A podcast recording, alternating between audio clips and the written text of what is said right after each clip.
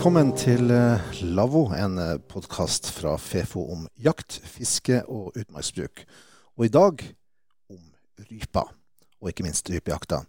For eh, bak oss ligger det en høst med rypetakstering på Finnmarkseiendommen. Og foran oss nå, de neste minuttene, en presentasjon av resultatet fra den, og ikke minst offentliggjøring av hvordan årets jakt blir for jegerne. Og eh, først, eh, Einar Asbjørnsen, leder for Utmark i Fefo. For å ta det litt sånn basic først. Eh, eh, hvorfor takserer vi? Taksering det er en del av eh, kunnskapsgrunnlaget vårt når vi eh, driver forvaltning.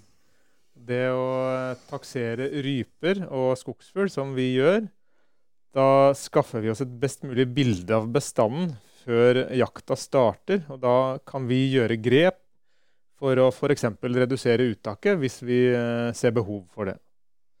Og for å si det litt enkelt, så vi ønsker å vite hva vi har, og samtidig over hvor mye som høstes. Og det fanger vi da senere opp med fangstrapportering fra jegerne.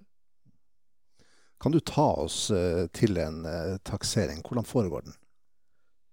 Takseringen eh, foregår med bruk av eh, stående fuglehunder. Vi har eh, dedikerte taksører som har godt trena fuglehunder. Og de takserer da faste linjer år etter år på Finnmarkseiendommen. Det er da faste linjer som er på de samme plassene, som gjennomføres da på samme tid av året, år etter år. Og det er en metode som brukes ikke bare av oss på Finnmarkseiendommen, men den brukes også ellers i Norge og eh, i våre naboland Sverige og Finland. Det taksørene skal gjøre, det er jo å registrere hvor mye fugl de finner langs de her linjene. De eh, får oppflukter, og da registrerer de eh, antall fugl. Prøver å sortere på kyllinger og voksne fugl. Slik at vi da, når takseringene er gjennomført, får et bilde av både hvor mange fugler det er, og hvordan fordelinga er mellom voksne og kylling. Kristina Bjørkli, du er utmarksforvalter i Fefo og takseringsansvarlig. Eh, Hvem er det som eh, takserer på eh, Finnmarkseiendommen? Vi har lokale jegere og fiskeforeninger og Vest-Finnmark Fuglingklubb som gjør denne jobben på vegne av oss, for oss. Og jeg må jo benytte anledninga med en gang til å, å si tusen takk til de her taksørene som stiller opp hvert år og gjør en veldig viktig jobb for oss. Og en eh, takk kanskje også til de firbeinte, ikke minst. Veldig viktig. Det gjelder også hundene. Hvis vi eh, Eller kan du gi en sånn beskrivelse av dette området, og hvor stort det er, og hva, hvordan det, det foregår? Vi takserer 500 km, og det er fordelt på 13 kommuner omkring i Finnmark. Vi takserer både på kysten, eh, inne på Finnmarksvidda, mot Barentshavet og grensa mot Russland i øst. Jeg må jo få nevne at vi har en mobilapp som benyttes under takseringa, som er et godt verktøy når taksørene er ute på oppdraget. Og vi har gode tilbakemeldinger fra dem at det fungerer og hjelper dem i jobben. 500 km, så blir det altså en del kilometer i beina både for uh, tobeinte og firbeinte.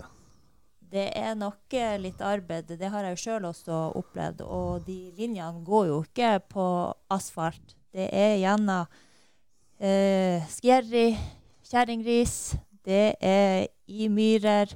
Så det er ikke noe lett oppgave. Man skal være i rimelig bra form. Norsk institutt for naturforskning analyserer takseringsresultatene for oss hvert år. Og etter at vi har fått resultatene fra dem, så vurderer vi behov for reguleringene. Og vi diskuterer det med brukerforeninger i Finnmark. Det er NJFF Finnmark og Vest-Finnmark Fuglundklubb. Kort og godt er et samarbeid mellom eh, kunnskap, brukere og oss. Og da er vi jo kommet til det som kanskje mange lurer aller, aller mest på, Einar. Hvordan ser det ut i år? Ja, det er det store spørsmålet hver høst. Og i år så øh, vil vi karakterisere det som noe under middels. Uh, vi ser av takseringsresultatene at vi har omtrent like mye stamfugl som vi hadde i fjor. Men eh, produksjonen er veldig dårlig. Og det her eh, bildet det vises i alle deler av fylket. Både i øst og vest og på Innlandet. Og så ser vi også at det er litt lokale variasjoner. sånn at det vil være variasjoner også lokalt innenfor et område. Vi ser eh, noen eksempler der vi har sammenligna med i fjor. der vi hadde nærmest et toppår i fjor med ordentlig høye tettheter og høy produksjon. Der er det omtrent eh, nesten null ryper nå. Så det der eh, varierer en del. Og hvis en skal se litt på bakgrunnen for hvorfor det har blitt slik det har blitt, så så det lenge lovende ut. Vi fikk en eh, tidlig vinter i fjor, og det er uh, positivt for rypene med tanke på overlevelse. Og vi hadde mye snø, og det er bra for smågnagerne. Og vi vet at uh, bra med smågnagere det er bra for rypa, for da spiser rovdyrene noe annet enn en ryper. Og så vi, fikk vi tilbakemelding om mye stamfugl også på våren i år. Så det, det, så egentlig veldig positivt ut, det her. Men så har vi fått uh, tilbakemelding fra uh, Universitetet i Tromsø, som registrerer smågnagere, om at det har vært mye aktivitet under snøen, og så har det kollapsa i løpet av vinteren. Og da ender vi opp med en situasjon der vi har eh, hatt gode forhold for røyskatt og snømus spesielt. Eh, og hvor det plutselig er tomt for mat, og de skal finne noe annet å spise. Og da, da resulterer det gjerne i predasjon, økt predasjon på bakkerugende fugl, som rypa er. da. Både i forhold til eggpredasjon og predasjon av kyllinger. Og det, sammen med at vi hadde en veldig sein vår, vi hadde en snørik vinter og en veldig sen vår, det forklarer nok en god del av det bildet vi ser i år. Hvor sikker føler du deg på at dette grunnlaget her nå er rett for å legge årets kvote på? Det føler jeg meg veldig trygg på. Vi har gjennomført eh, takseringene på samme måte som mange år tidligere. Og vi kan se tilbake på en tidsserie nå på omtrent 20 år, hvor vi kan sammenligne. Samtidig så har vi god dialog med våre naboer eh, på tilstøtende områder. Og hvis en tar eh, på Finland, i Finland nå, på eh, enkelt sagt på andre sida av Tanaelva eller eh, riksgrensa, da, så ser bildet veldig likt ut som det det gjør hos oss. Også dårlig produksjon, lav produksjon og sånn normalt til litt under normale tettheter. Og Hvis den store spenninga er knytta til eh, hvordan eh, det ser ut etter årets taksering, så er det kanskje en enda større spenning knytta til hva dette betyr for jegerne. Fortell, Kristina. Vi har satt en dagskvote som blir på tre ryper per jeger. Det er gjeldende for alle. Videre så har vi en sesongkvote på 20 ryper for lokale. Og vi setter en sesongkvote på 10 ryper for tilreisende jegere. Når det gjelder skogsfugl, så er produksjonen veldig dårlig. Og så her ønsker vi å begrense uttaket i størst mulig grad.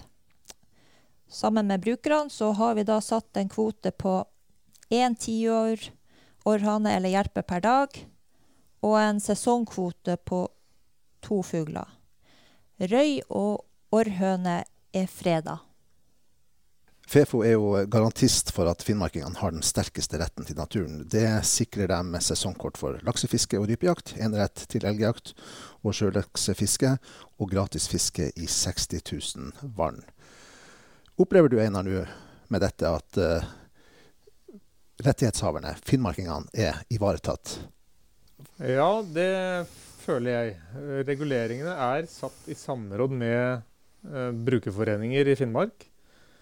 Eh, og vi har gode diskusjoner, og jeg føler at vi er veldig enige, og jeg føler at det her er godt forankra. Eh, vi skal forvalte til beste for innbyggerne i Finnmark.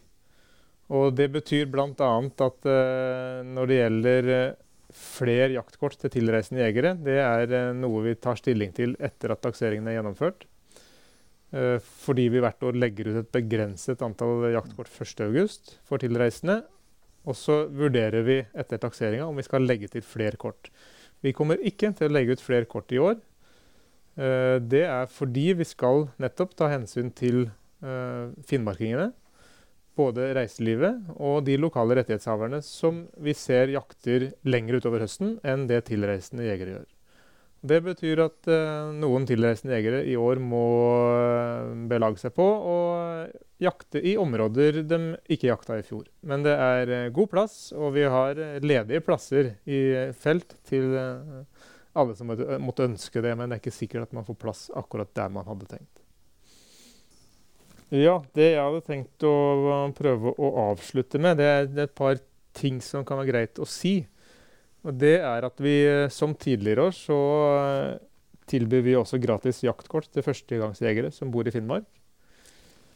Og eh, rypejakta det er jo årets høydepunkt for uh, veldig mange av rypejegerne. Og med den bestandssituasjonen vi har nå, så tenker jeg at uh, vil jeg minne jegerne om å legge ekstra godt merke til alle de fasettene som er ved jakt, som ikke bare går på antall fugl du får i sekken. Og da tenker jeg på eh, naturopplevelsen, den eh, første morgenskaffen ved bålet, frisk luft, og det å kjenne på at naturen går litt saktere når man er ute i, i fjellet. Sett gjerne mobiltelefonen på flymodus og kjenn litt ekstra på det. For det er nok noe vi lettere og lettere har å, for å glemme i, i, dagens travle hverdag. Vi skal lansere en app i tida som kommer, hvor det skal bli enda enklere å aktivere og fangstrapportere. Men det kan du gjøre før du begynner jaktaktiviteten. Og sett gjerne telefonen på flymodus, slik at den ikke forstyrrer deg i de, den opplevelsen som, som jakta er. Jeg syns det var fornuftige ord å avslutte det hele. Da legger jeg bare til at uh, du kan gå på fefo.no for å lese mer om uh, rypejakta slik den blir denne sesongen. Og så gjenstår det bare å si uh, takk til deg, leder for utmark i Fefo, Einar Asbjørnsen, og ikke minst deg, Kristina Bjørkli, utmarksforvalter. Og så er det vel bare å si skittjakt. Skittjakt. Skittjakt.